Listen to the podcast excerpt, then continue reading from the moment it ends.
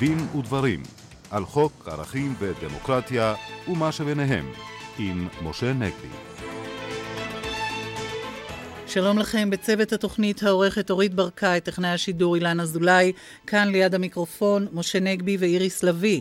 מה חלקם של גורמי אכיפת החוק בכלל ובתי המשפט בפרט בגל האלימות הרצחנית ומעשי האונס הקבוצתיים המציפים אותנו, ומה ניתן ללמוד על כך, מכך על רמיסת כבוד האדם בחברה הישראלית. מיד נדון בכך עם האורחת שלנו באולפן, הדוקטור אורית קמיר, מנהלת המרכז הישראלי לכבוד האדם.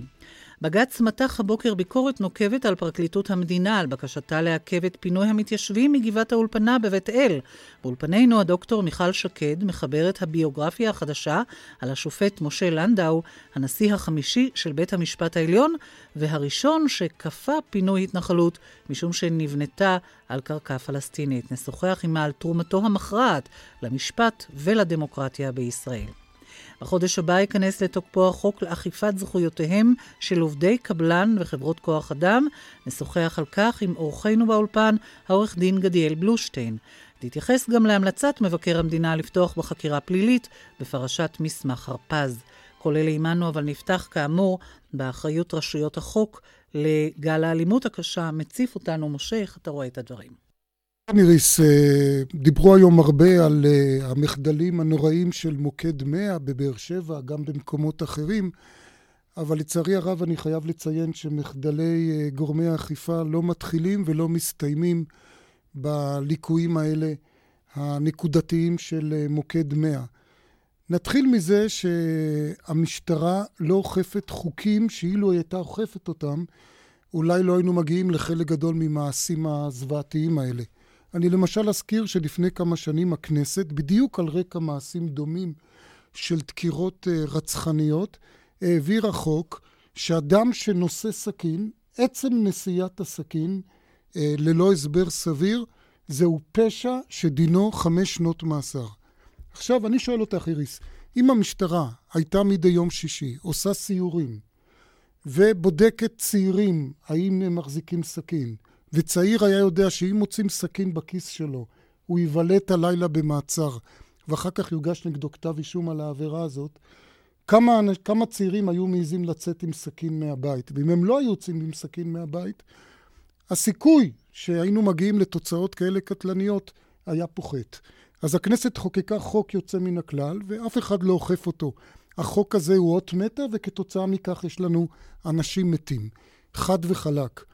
עכשיו אני כמובן אה, מאוד שמחתי, אה, הרגע העבירה לנו העורכת שלנו אורית ברקאי אה, דיווח מניסים קנן, כתבנו בבאר שבע, שעצרו שמונה חשודים ובהם קטינה שהיו מעורבים ברצח הנורא של גדי וייכמן בבאר שבע. אבל יש לי חשש מאוד גדול שהחשודים האלה, גם אם באמת ביצעו את המעשה, תוך שנים אחדות, עד כמה שזה נשמע זוועתי, יהיו, יהיו חופשיים. מדוע? חופשיים מדוע וכנראה גם מאושרים. אני רוצה להזכיר את המקרה של פיליפ גלר, שנרצח בנסיבות דומות. הרוצח שלו, אני אומר רוצח, אבל הוא הורשע בהריגה, והוא נידון לשמונה שנות מאסר. תנקי שליש, כמה נשאר? כמו שאמרתי, שנים אחדות. אה, אגב, אה, הסטטיסטיקה מראה שעל אה, הריגה במדינת ישראל, למרות שהעונש המקסימלי הוא 20 שנות מאסר. בממוצע, אה, בפועל אנשים יושבים בין 6 אה, ל-12 שנים. ואנחנו רואים עלייה באלימות של קטינים. אכן כן, ואני רוצה לומר עוד יותר מכך. אני, אני רוצה לומר שיש מדיניות מאוד מוזרה של בתי המשפט, אנחנו ראינו את זה בפרשה המזעזעת של לארי קרפ, שבמקום להרשיע ברצח, הם נרתעים מהרשעה ברצח ומרשיעים בהריגה. ומדוע? משום שהם נותנים לדעתי פרשנות אבסורדית ומרחיבה וקיצונית למושג כוונה תחילה. כלומר, הם רוצים שכדי שיהיה אפשר להרשיע ברצח, אתה תוכיח שהבן אדם, כאשר הוא פתח בקטטה, התכוון אה, אה, להרוג. אה, שזה דבר כמובן שבדרך כלל קשה מאוד להוכיח על רקע של קטטה. עכשיו, אפשר לבוא ולומר, אז מה נורא כל כך מרשיעים בהריגה ולא ברצח. אז קודם כל, כמו שאמרתי, למרות ש... העונש המרבי הוא קטן יותר. לא רק שהוא קטן יותר, גם העונש שהוא, יח... שהוא יחסית uh, כבד, אפשר להטיל 20 שנה, לא מטילים אותו אף פעם. כמו שאמרתי, הממוצע נע uh, בין 6 ל-12. אבל יותר מזה, כאשר מרשיעים בהריגה, מיד האסיר, או תוך זמן קצר האסיר נכנס לסבב של חופשות. הוא זכאי uh, לניקוי שליש, כפי שאמרתי, ולקיצוב עונש, מה שלגבי מורשעים ברצח לא קיים.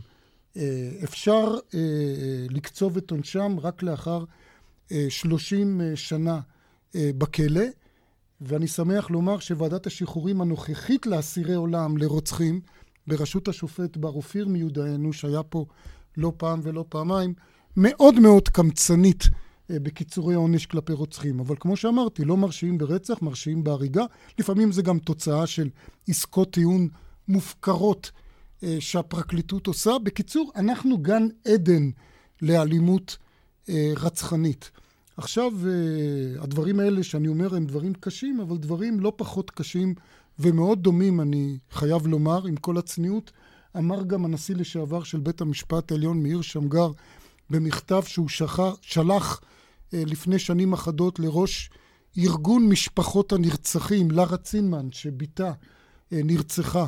אה, באכזריות רבה, וגם כן הרוצח שוחרר אה, בטרם עת, אה, בלי שהוא נענש כראוי. השופט שמגר כתב לה שכל טענותיה צודקות. ואני שואל את עצמי, איריס, ובזה אני אסיים את חלקי בנושא הזה, אני שואל את עצמי, איך הגענו למצב שבאמת היחידים כמעט שנאבקים נגד המצב הבלתי נסבל הזה של התרת דם על ידי רשויות אכיפת החוק, כולל בתי המשפט, איך זה שהיחידים שנאבקים זה באמת אלה שכבר יקיריהם נרצחו, כמו הגברת סילמן, כמו ענת בן שושן, שאחיה נרצח בחוף הים בחיפה על רקע סכסוך בין בעלי כלבים. אז אחד מהם לקח אה, סכין מהשולחן בבית קפה ורצח אותו, ועוד פעם בית המשפט אמר לא הוכחה כוונה תחילה, אז אני רואה בזה הריגה, נדמה לי שהוא נידון לעשר שנות מאסר. שוב, תוסיפו את ניקוי השליש, תגיעו לתוצאה הסופית אה, המחפירה. הרי האנשים האלה שיקיריהם נרצחו, הם כבר שילמו את המחיר. מי שהיה צריך להתקומם זה אנחנו, שיקירינו, תודה לאל, עוד מסתובבים חיים, אבל עלולים בכל לילה שיקרה להם מה שקרה. אה, דוקטור אורית קמיר, נזכיר, את מרצה למשפטים במרכז האקדמי פרס אה, ברחובות, ואת גם, כפי שהזכירה איריס, מנהלת המרכז הישראלי לכבוד האדם. נדמה לי שה... הסלחנות הזאת שדיברתי עליה, קהות החושים הזאת כלפי הזוועה הזאת, זה גם אומר משהו על היחס שלנו לכבוד האדם. כן, אני חושבת שמה שאתה הצגת עכשיו אה, בבתי המשפט, זה בא לידי ביטוי בבתי המשפט, אבל התופעה היא חברתית-תרבותית רחבה הרבה יותר, ואם נשתמש במושגים אה, משפטיים, אנחנו חרטנו על דגלנו את כבוד האדם וחירותו. אבל מה שאנחנו רואים זה אמ, איזו פרשנות מעוותת, קיצונית וחסרת מיצרים של החירות בלי כבוד האדם. כי יש איזו חגיגה של אה, חירות במובן ה... אמ, באמת חד צדדי וה, והמחליא שלה, של כל אחד אה, עושה מה שהוא רוצה, כמה שהוא יכול, מתי שהוא רוצה, מה שנקרא אצלנו מה שבא לי, ואף אחד לא יגיד לי. אה, וכל אחד גם נותן לאחרים לעשות מה שהם רוצים. אמ, כשבכל יוריספרודנציה למתחילים, זה ברור שחירות היא ערך שיכול להתקיים אך ורק כשהוא מוגבל, כשהוא, כשהוא מוגבל ומתוחם על ידי ערכים אחרים. כבוד האדם, שוויון, זה ערכים שנזקו של הזולת, כמובן, זה ערכים שקובעים, החירות שלך יכולה להגיע עד כאן. וקדושת כי, החיים? כי מכאן ואילך היא מתחילה לפגוע בקדושת החיים, או בכבוד האדם, או בשוויונו של אדם אחר, או בזכותו שלו להינזק על ידי התנהגותך. ואנחנו במין הנאה אה, קולקטיבית אה, של ילדים מתבגרים, של החירות שלנו מעל הכל בלי גבולות, לא מתוחמת, אף אחד לא יגיד לנו, כמו שאנחנו רוצים להיות מדינה בלי גבולות, ככה אנחנו רוצים להיות מתנהגים בלי גבולות, שזה כמובן דבר שתמיד עובד לטובת החזקים, ואנחנו מיום ליום אה, שוברים שיאים. אה, בזילות כבוד האדם, זילות חיי האדם, אה, וכל הערכים האחרים שהיו צריכים והיו יכולים לשמש כמתחמים לחירות האינסופית הזאת. ומה שאנחנו רואים גם, שכנראה ככה אנחנו גם מחנכים את הדור הצעיר בעוונותינו, כי יותר ויותר uh, קטינים, כמו שאנחנו רואים, מעורבים, גם, גם מעורבים בביזוי הזה של כבוד האדם, וגם הם קורבן הרבה פעמים של הביזוי הזה. אם, אם תסתכל uh, סביב על איך, איך מתנהגים ילדים במרחב הציבורי, איפה שאנחנו רואים אותם עם ההורים שלהם, אז זה בדיוק העניין הזה של חירות בלתי מוגבלת. אי הצבת גבולות. אין גבולות. מה שאתה רוצה אתה עושה, ואנחנו רואים את זה קורה עם השתייה, ואנחנו רואים את זה בתרבות שלא מכירה בזכות אה, בזכות המעצור. אנחנו בשום פנים ואופן לא נעצור. אז אם יש חבר'ה צעירים מסתובבים על שפת הים ובראש שלהם כרגע אה, לשכב עם מישהי בגלל שהיא חלשה ובגלל שהם יכולים, אז כולם זזים אחורה צעד, ונותנים להם... את מתייחסת כמובן לאירוע בחוף בוגרצ'וב. נכון, אז נותנים להם לעשות מה שהם רוצים, כי זה מה שהם רוצים, אה, ואף אחד כבר לא חש את ה, באופן אינסטינקטיבי את, ה, את הרגשות שקשורים לערכים האחרים, כמו כבוד האדם של אותו אדם, שזה ברור שהוא נפגע באותו רגע. אה, כלומר, כמו... זה מה שנקרא החפצה של האדם, האישה במקרה הזה, וגם אה, אם זה גבר, אה, כלי לשיר, לשירות התשוקות שלהם, ובכלל לא לוקחים את האדם ואת האישה בחשבון. אני גם לא חושבת שיש כאן הרבה תשוקות במובן המיני, אלא יש כאן את ההסתררות, את ה... אני אעשה כי אני יכול, כי אני רוצה, כי אני רוצה שיראו אותי, כי אני רוצה ש... כוחניות. יש כוחניות בלתי מוגבלת, אה, יש הסתררות ויש את הפחד. מיד נחזור אלייך, עורך דין גולדשטיין, בעניין הזה. כן, בהחלט. אני מציע שנניח לבתי משפט בנקודה הזאת. זה לא סוגיה משפטית. זאת אומרת, אפשר לבוא ולנתח את uh, יסודות הרצח וההריגה, אבל זה לא הנושא. הנושא הוא אכיפה. וכאשר מדברים על אכיפה, הדוגמה הטובה ביותר היא רודי ג'וליאני. שבא ואמר בוא נתעסק עם העבירות הקטנות. אז דיברתי על זה, נשיאת הקטנות, סכין למשל. כן. לא רק נשיאת סכין, קטטה פשוטה, אפילו בתור למועדון. ביום שישי. אז שמענו, שישי. המשטרה באה וחוזרת. על זה לא צריך לקרות. יותר מזה, הוא בכלל אמר שכל חלון שבור, הוא, ברגע שהוא יתקן את כל החלונות השבורים, זה יוריד את מפלס האלימות, והוא טוען שזה מה שעשה אמת ויציב, כן. ולדעתי זו הדרך. החינוך זה תהליך ארוך של שנים. בתי המשפט מתיישרים או מתקנים דברים גם לפי היבטים חברתיים. זאת אומרת, עכשיו הנושא של האלימות מהסוג הזה, אין שום, שום ספק שבתי המשפט בטווח הקצר יחמירו, אבל זה לא הנושא. אז אם זה חינוך, איפה, איפה נכשלנו, דוקטור קמין? לא, אנחנו נכשלים בחינוך כל הזמן, אבל אני רוצה לעצור באיזושהי נקודה, לאורך הדרך לקראת החינוך.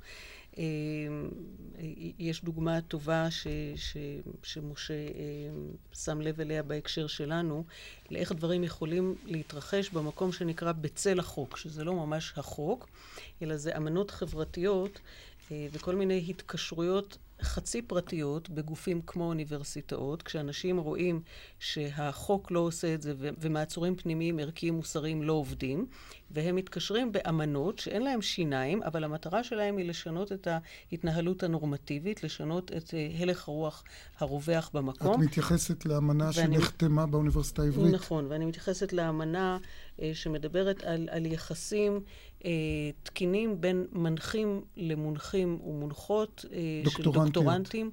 דוקטורנטים ודוקטורנטיות באוניברסיטה העברית, שזה באמת סוף סוף, ומגיע להם אה, ברכות ולהוריד את הכובע שהדבר הזה סוף סוף נעשה, להגיד שגם דבר שהוא לא אסור והוא לא דין משמעתי שמכילים ואוכפים, הוא לא הפקר, וכיוון שאנשים כבר לא יודעים מה טוב, מה רע ואיפה לעצור את עצמם, אז אנחנו מייצרים נורמות חברתיות ואנחנו מכריזים עליהן כנורמות הראויות. למשל, ביחסי הנחיה של דוקטורנטים ודוקטורנטיות, מותר לעשות רק משהו גם לטובת, זה מאוד קנטיאני העניין הזה, מותר לעשות משהו רק, לפחות בחלק מהעניין לטובת המונחה, ולא להשתמש בו אך ורק כאמצעי, ומרצה שעובר את הגבול הזה הוא לא בסדר. זה דבר שלכאורה כולם היו צריכים לדעת, זה לכאורה היה צריך להיות מובן מאליו. כולנו יודעים שזה לא קשור למציאות, ולפחות ברגע שמוסד מחליט בהחלטה חופשית, גם אם הוא לא משווה לזה תק... אה, היבט משמעתי תקנוני, ברגע שהוא טוען שזו האווירה שמעכשיו כולם נעמדים מאחוריה, יש לקוות שזה יכול לשבור קצת את הפחד מצד אחד והאדישות מצד שני והחירות האינסופית מצד שלישי, ולשנות קצת את הנורמות שבתוכם אנחנו... אין לנו נורמות, אנחנו חברה נטולת נורמות. בוא נאמר אבל שבמקביל אה, גם האוניברסיטה העברית פעלה בצורה די נמרצת במישור בהחלט. המשמעתי, בעניין של פרופסור אייל אה, בן ארי, כולנו זוכרים, עסקנו בזה גם בתוכנית הזאת. אה, דוקטור אורית קמיר, המומחיות שלך המשפטית היא בנושא של אה, עבירות מין באמת, ונזכיר גם למאזינים, אם כי אני חושב שכולם כבר יודעים את זה, שאת הגית וניסחת את החוק נגד הטרדה מינית במדינת ישראל. הזכירה קודם איריס בתחילת התוכנית, היינו בנחשול של מקרים של אונסים קבוצתיים מזעזעים גם בשבועות האחרונים. שוב פעם, הרבה פעמים במעורבות של צעירים.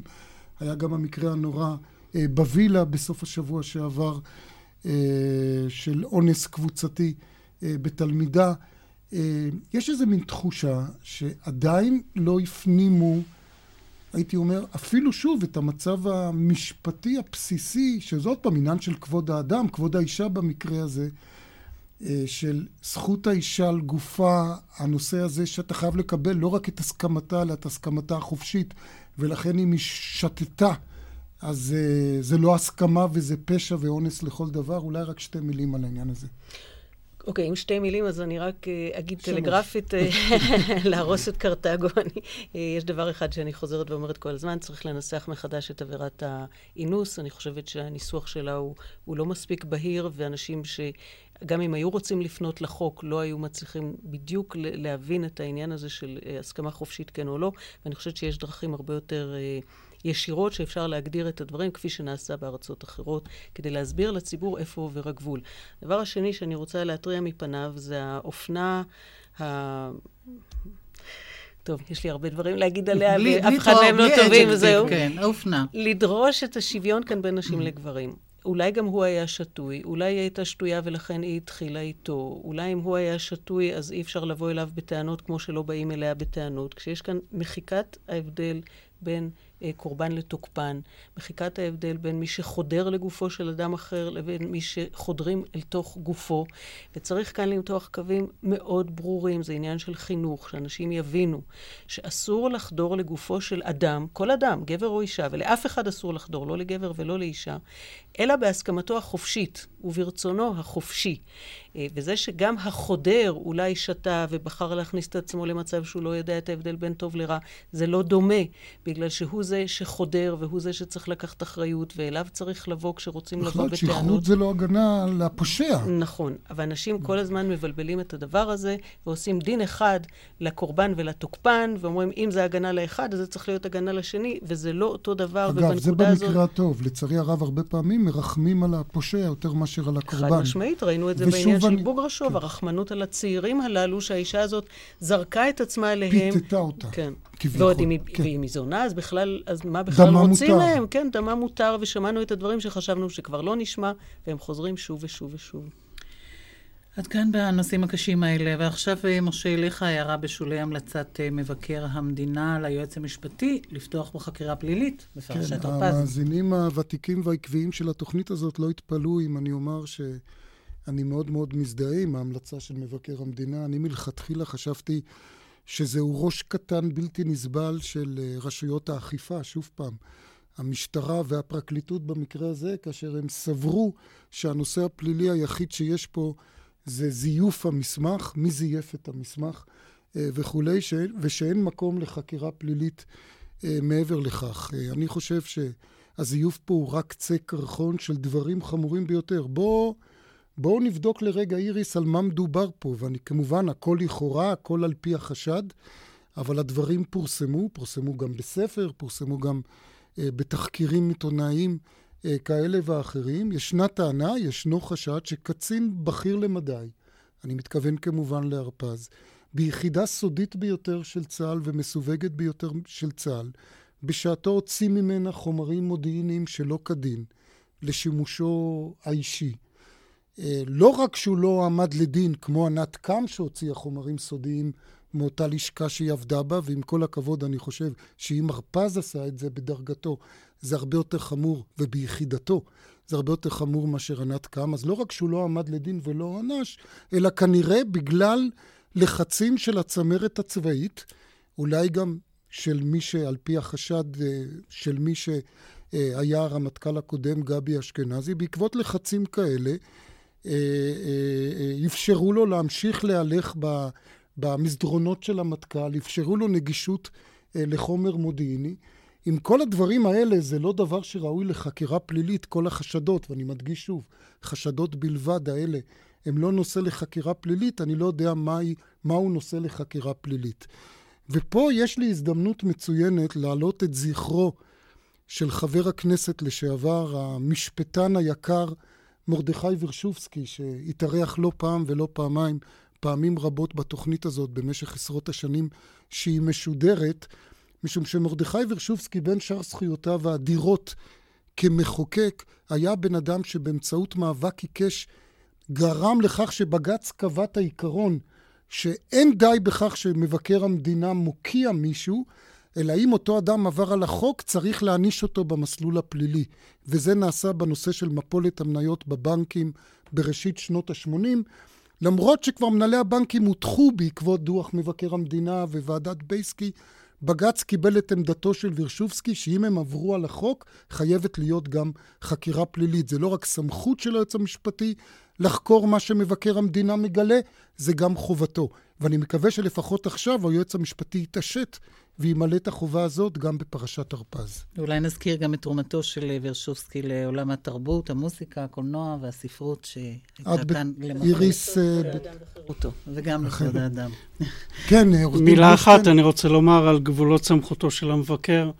בכל זאת, אני חושב שהמבקר, אה, אה, אני לא רוצה להגיד חרג, אבל הרחיב או הגמיש את הגבולות סמכות שלו, כאשר פקיד ופקיד בכיר כמו היועץ המשפטי לממשלה אה, ישתמש בשיקול דעתו, גם אם הוא טעה, עדיין זה שיקול דעתו בתוך הסמכות שלו. וצריך לשקול את זה ולהסתכל על זה גם מההיבט הזה. אה, והמבקר, המבקר הנוכחי היה מבקר אה, שמסיים עכשיו את תפקידו, אה, מבקר מאוד אקטיבי. ואני חושב שיש פה חריגה מסוימת. דוקטור מיכל שקד, נזכיר שהיית גם שופטת, גם בזמנו עבדת בפרקליטות המדינה. איך את רואה את הדברים? אני בעיקר בג"צניקית. כן, וזה רלוונטי פה. כן. טעות, המושג של טעות בתוך הסמכות זה, עם כל הכבוד, מושג שעבד עליו הקלח. לפני בין 30 ל-40 שנה בשיטה המשפטית שלנו. בפירוש, כבר עשרות שנים, טעות היא חריגה מסמכות. זה שאין הבחנה, זאת הבחנה ישנה מאוד מהמשפט האנגלי, שאיננה קיימת. כלומר, לדעתך, אם היועץ המשפטי טעה, הוא חרג מסמכותו. אם הוא חרג מסמכותו או לא, זאת שאלה אחרת. אבל זה שהוא טעה לא אומר שהוא לא חרג מסמכותו.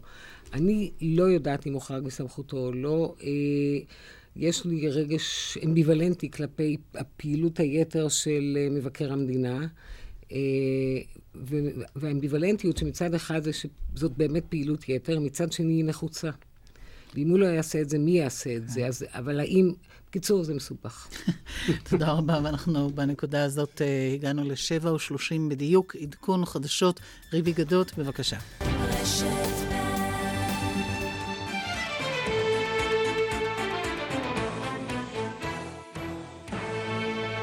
חזרנו אליכם כאן בדין ודברים, ועכשיו אנחנו אלייך, אה, הדוקטור מיכל שקד, ולביוגרפיה שכתבת על הנשיא החמישי של בית המשפט העליון, משה לנדו.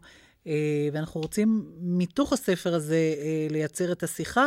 יש לו דימוי שמרני, אבל את מראה בספר, בביוגרפיה, שהיו לו דווקא החלטות מאוד אקטיביסטיות. אני לא יודעת אם אני מראה, אני טוענת שהוא היה שופט של קצוות, שופט שהיה בדרך כלל שמרני, אבל לפעמים התפרץ ממנו, התפרצו ממנו החלטות שאי אפשר לראות אותן, אלא כמאוד מאוד אקטיביסטיות, לא רק כמו שנותנים לחשוב בתנאי הזמן ההוא, אלא גם היום הן היו נחשבות אקטיביסטיות. אולי נביא באמת uh, כמה דוגמאות, וזה באמת uh, מאוד מעניין. אני חושב ש... Uh, זה, זה, כמובן המשפטנים אולי מכירים את זה, אבל אולי האדיוטות מאוד יופתעו, כי אנחנו רגילים שבאמת מציגים את השופט לנדאו אה, כאנטי-אקטיביסט, והוא גם מתבטא נגד האקטיביזם השיפוטי לאחר פרישתו, תקף את המהפכה החוקתית, כולנו זוכרים את זה, והנה, כפי שאת מראה, ואני חושב שלמרות שאת מצטנעת ואומרת טוענת, אני חושב שאת מראה ומוכיחה בצורה המשכנעת ביותר, את מראה שהוא השופט הראשון שבעצם אה, פסל חוק בתולדות אה, מדינת ישראל, וזה כשעוד לא היה חוק יסוד שנתן במפורש את הסמכות הזאת. הוא השופט הראשון שפסל מפלגה מלהתמודד בבחירות לכנסת, מה זכות יותר חשובה מלהתמודד בבחירות? שוב, בלי שהייתה סמכות כזאת אה, בחוק לפסול מפלגות, פרשת אל-ארד. הוא השופט הראשון, אפרופו הבג"ץ שעכשיו דן בבית אל, שציווה לפרק את התנחלות אלון מורה ואמר אסור לבנות על קרקע פלסטינית, הראשון והאחרון עד עכשיו. עד מגרון. נראה מה יחליטו כעת. אז באמת, איך זה מתיישב עם זה שמצד שני, כמו שאמרנו, הוא מאוד הסתייג מהאקטיביזם השיפוטי? הוא הסתייג, זה, זה נושא באמת מורכב, סליחה שאני כל הזמן אומרת מסובך מורכב, אבל זה באמת מורכב. Uh, הנקודה המרכזית שאני רציתי להדגיש היא שמכל uh, מיני סיבות נוצר רושם בציבור שהנאורות האקטיביסטית התחילה עם uh, בית המשפט של שמגר וברק, ואולי הייתה בשנות החמישים, אבל לא אחר כך. Uh, לנדאו היה, האקטיביזם של לנדאו היה מיוחד בזה שהוא היה אקטיביזם כאשר היו מוכרחים. הוא לא דגל באקטיביזם, הוא דגל בלהיות שופט בשר ודם ולפסוק לפי החוק.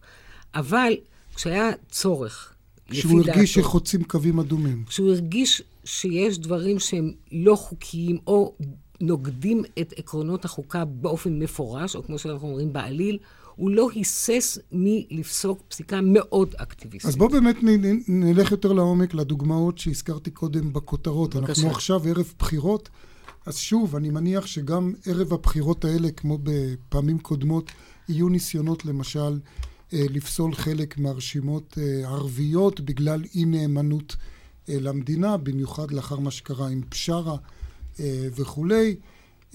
וכמו שאמרתי, לנדאו בזמנו פסל מפלגה ערבית ישראלית ב-1965, בלי שהחוק נתן סמכות לפסול אותה. הוא ראה את זה כמקרה קיצוני שמצדיק אה, את המעשה הזה? קודם כל כן. הוא ראה את זה כמקרה מאוד קיצוני. הוא אמר, השאלה היא איפה עובר הגבול, ואני בטוח שאני יכול להציג גבול. אבל אני רוצה לומר שיש הבדל גדול מאוד בין הפסילה, ש... בין, בין פסק הדין של לנדאו, בעצם לא פסק דין להחלטה, לבין מה שקרה אחר כך. הכלל שקבע לנדאו היה שמפלגות שרוצות להשמיד את מדינת ישראל, או להשמיד את הדמוקרטיה, צריכות להתפסל.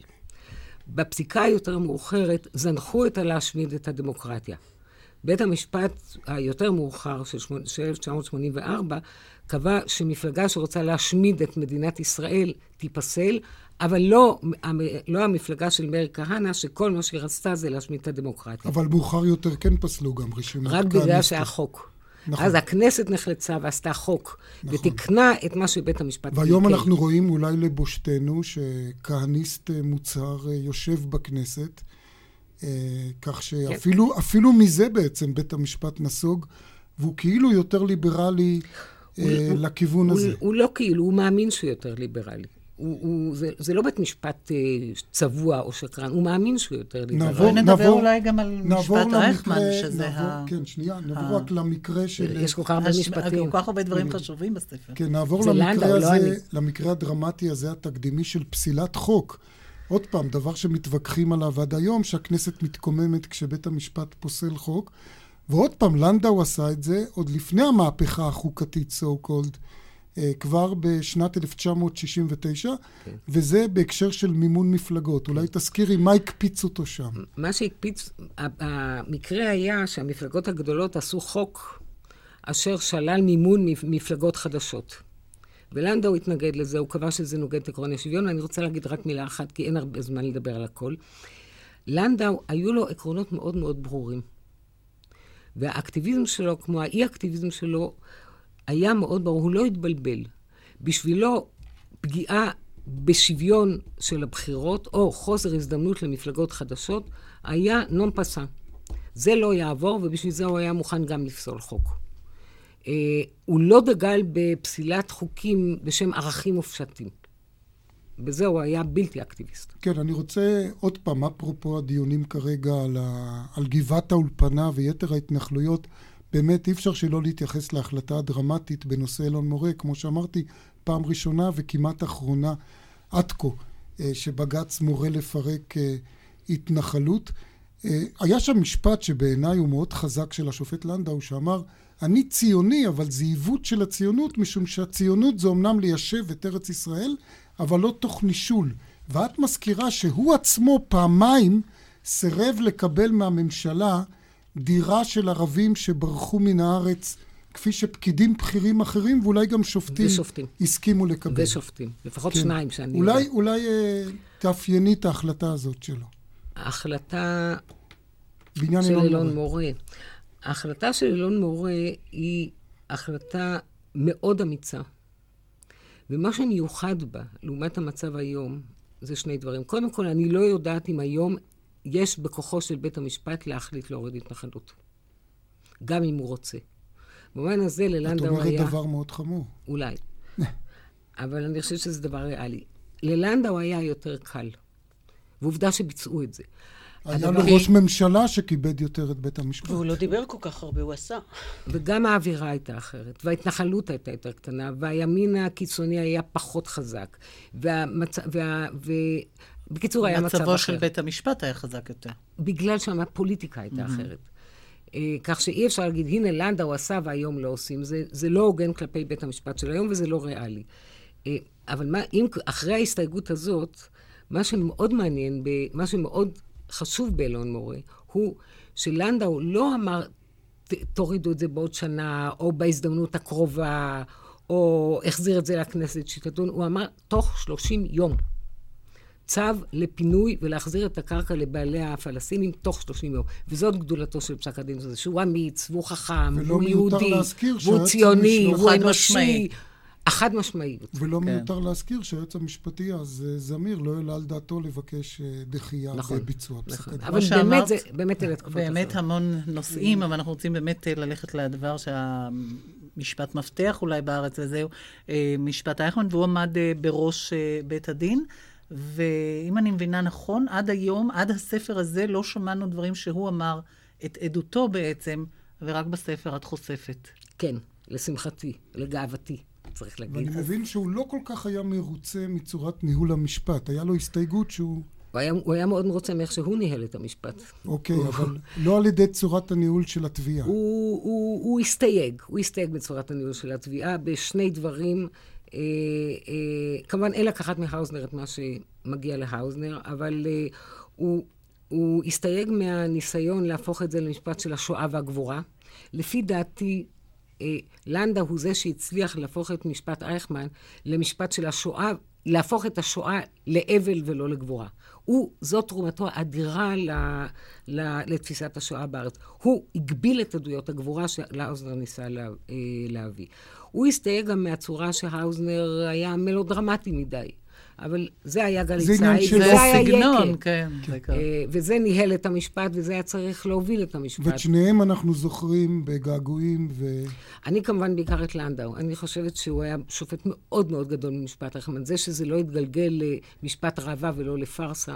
עוד אה, מושג שמאוד קשור בשמו זה כמובן ועדת לנדאו והמושג של לחץ, לחץ פיזי מתון. איך הוא הרגיש עם זה כל השנים? רע.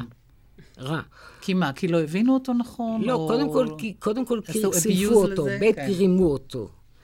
וג' השב"כ רימה אותו. השב"כ רימה אותו, והמדינה נשאה את שמו לשווא, ובית המשפט העליון השאיר את הטעות על מכונה, ובזה אמרתי הכל בחמש מילים. כן, אולי, אולי הערה אחרונה, נדמה לי שלא היו עד היום הרבה ביוגרפיות של שופטים, זכורה כמובן הביוגרפיה המונומנטלית, כמו הביוגרפיה שלך שהיא מונומנטלית, דוקטור שקד, הביוגרפיה של פרופסור פנינה להב, של השופט אה, אגרנט. אה, נדמה לי שבכלל הנושא הזה של היסטוריה משפטית רק לאחרונה אה, מקבל תאוצה אצלנו, ואת בהחלט, אני מבין, רואה את עצמך משתלבת בזרם הזה, החיובי. כן, כמובן, הקרדיט הראשון והגדול ביותר מגיע לפנינה להב. לידה צריך להזכיר את יורם שחר, יש עוד כמה שמות חשובים, אבל הם יצרו את התחום הזה בארץ, ויצרו אותו מאוד מאוד יפה. אין זמן להרחיב על זה את הדיבור, אבל אי אפשר לא להזכיר אותם. יש ענף כזה עכשיו, ההיסטוריה של המשפט. מתחיל ענף של ההיסטוריה של כן. המשפט, ואני מקווה להשתלב בו. אנחנו מאוד מודים לך, דוקטור מיכל שקד, שבאת לאולפן עם הספר הביוגרפיה של השופט לנדאו. מומלץ ביותר. תודה רבה. אנחנו נצא להפסקת פרסומת קצרה כאן בדין ודברים, מיד נשוב.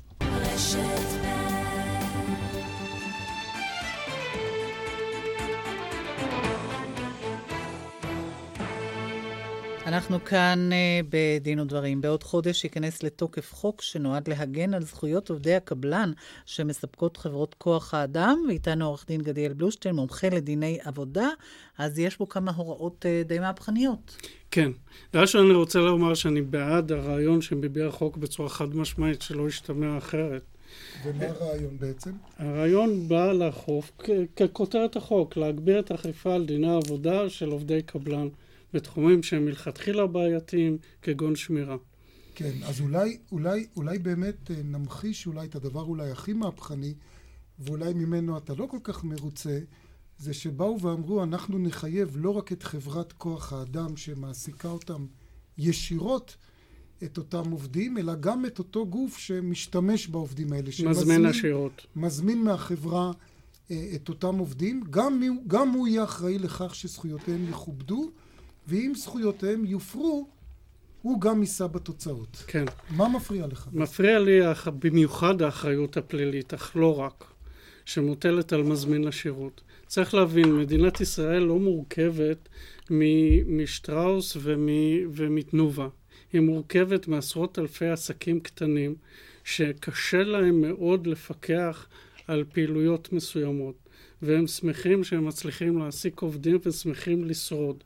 הטלת אחריות, כפי שבחוק, שממש מצריכה העסקת אדם נוסף רק לשמור על הוראות החוק, נראית לי מוגזמת. אני לא רוצה להשתמש בעיה מופרכ, מופרכת, אבל באמת מוגזמת. אז איך יישמרו זכויות העובדים? זכויות העובדים יישמרו בשתי צורות. ראשית, בוודאי חברות כוח האדם חייבות להיות מפוקחות בצורה הקרובה וה...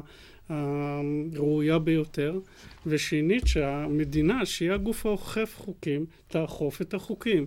לא ניתן להטיל על מזמין שירות אכיפת החוק. ואם המדינה היא זו שמשתמשת בעובדי כוח אדם, אז... זה הגרוע ביותר. אנחנו יודעים שמשרדי הממשלה, לא רוצה להכליל, זה לא, לא ראוי. משרדי ממשלה, אוניברסיטאות, אה, אגב, צריך לומר... המדינה, בעיקר המדינה. כן, צריך לומר לשבח של סטודנטים, נדמה לי באוניברסיטת תל אביב, גם אולי באוניברסיטאות אחרות. באר שבע.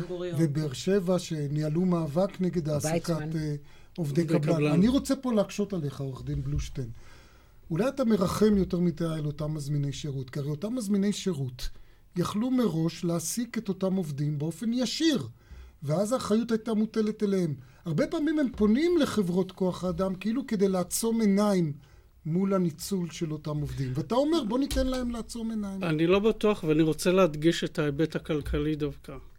ההיבט הכלכלי, מי שמעסיק עובד, אה, עובדי קבלן, הוא, הוא עושה זאת משום היבטים כלכליים. הוא רוצה לחסוך צורה. כסף. הוא לא רוצה לחסוך כסף, הוא חוסך לך ולי כסף. כל יצרן, כל נותן שירות, באשר הוא, ואני יודע שאנשים סוברים אחרת ממני, באיזשהו מקום הוא עושה את החישוב הכלכלי של העסק שלו. כאשר המדינה משילה מעצמה אחריות ומעבירה את האחריות בצורה של ענישה פלילית והחתמה של בן אדם באמצעות פרסום של עיצומים כספיים, זה נראה לי מוגזם. תראו, אנחנו לומדים על חוק העונשין, בשנה ראשונה משפטים לומדים חוק עונשין, ובחוק העונשין שואלים שאלה מאוד חשובה שיש בה רמה פילוסופית גבוהה. והפשטה של המשפט, מה המעורבות או כמה אנחנו מנסים להטיל אחריות על בן אדם שהוא בעצם לא, לא עשה את העבירה, או לא מנע את העבירה. וקבעו איזה גבול בחוק העונשין, מניעת פשע וכו'. ופה אתה חושב שעברו אותו. הגבול עבר. כן, לדעתי הרחיקו מהכדאי. דוקטור מיכל שקד, אה, נזכיר שאת גם אה, הרצית על דיני עבודה באוניברסיטת תל אביב, את מעורבת היום בהנחיית הקליניקות של זכויות עובדים שם. את גם חושבת שהחוק הגזים כשהוא הטיל אחריות על המעסיקים בפועל? אני חושבת קודם כל שבעניינים של יחסי עבודה, אנשים מדברים, כולל אני וכולל חברי שיושב על ידי, אנשים מדברים יותר מהבטן מאשר מהראש. מדברים מהאינטואיציה ומההרגשה. אבל התפיסה שלי היא, אחרי שאמרתי את ההסתייגות הזאת, שעובדי, רוב החברות הקבלניות הן צינורות. המעסיק האמיתי הוא מה שקוראים המזמין. זה סידור כלכלי משולש, שבעצם המעסיק הוא המזמין, והחוק הזה בא לפתור בצורה יותר ישרה או פחות ישרה. הוא בעצם מרים את המסך. הוא בעצם מרים את המסך, אה, אה, ועושה מהמזמין את האחראי, ויש בו הרבה היגיון. על הצד הפלילי אני לא רוצה לדבר כי זה ייקח ממני יותר מדי זמן, אבל אם רואים את זה בצורה הזאת, זה מראה את החוק באור אחר. כן, ועל זה בעצם לא יהיה הסכמה בינינו. מה אתה כן. אומר על כך? אני אומר ש, שבמפורש נקבע בסעיף 46 לחוק שאין בהוראות חוק זה כדי ליצור יחסי עובד ומעביד בין מזמין שירות לבין עובד. אז אי אפשר לעשות חצי עבודה. אם לוקחים החלטה שהיא החלטה לגיטימית, צריך לדון בה בכובד ראש שאין יותר עובדי קבלן ויש רק העסקה ישירה, בסדר גמור.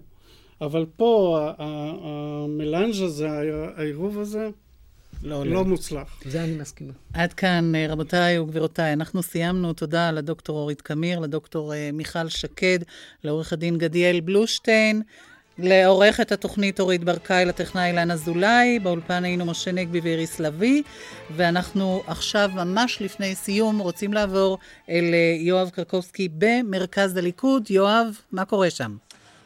שלום איריס, בוועידת הליכוד הרביעית שנפתחת ממש בעוד אה, דקות בודדות בנאומו של ראש הממשלה בנימין נתניהו. הוועידה הייתה אמורה כבר להיפתח לפני קצת יותר משעה, אבל בגלל בעיות פרוצדורליות פנימיות שטרם הגיעו להם להסכמה לגבי השאלה האם ייבחר כאן הערב יושב ראש נשיאות אה, לוועידה הזאת. הוועידה מתעכבת והדברים האלה יתבררו במהלך אה, הוועידה שתימשך לאחר דבריו של ראש הממשלה, אותם נעביר כאן ברשת ב' בשידור חי מיד אחרי חדשות השעה שמונה. ראש הממשלה מגיע לכאן הישר מהשבעה שבה הוא היה נתון בשבעה ימים האחרונים על מותו של אה, אביו, הפרופסור בן ציון נתניהו. זאת למעשה ההתבטאות הפומבית הראשונה שלו לאחר השבעה, ובה הוא יודיע, 4 בספטמבר, ישראל הולכת לבחירות 2012. אנחנו כאן עם צוות שידור אה, מורחב, עם גרשון אה, מיטל, עם אה, יוג'י גבאי ורוני מורים, ומחזירים את השידור בינתיים לירושלים, אוטוטו אחרי החדשות, חוזרים למרכז הליכוד. תודה יואב קרקובסקי, וכאמור אתם תשובו עם דיווח ממרכז הליכוד. אנחנו נשוב בשידור חי של דין ודברים ביום ראשון הבא. בינתיים אתם יכולים להאזין לתוכנית גם באתר רשת ב' באינטרנט. ערב טוב, להתראות.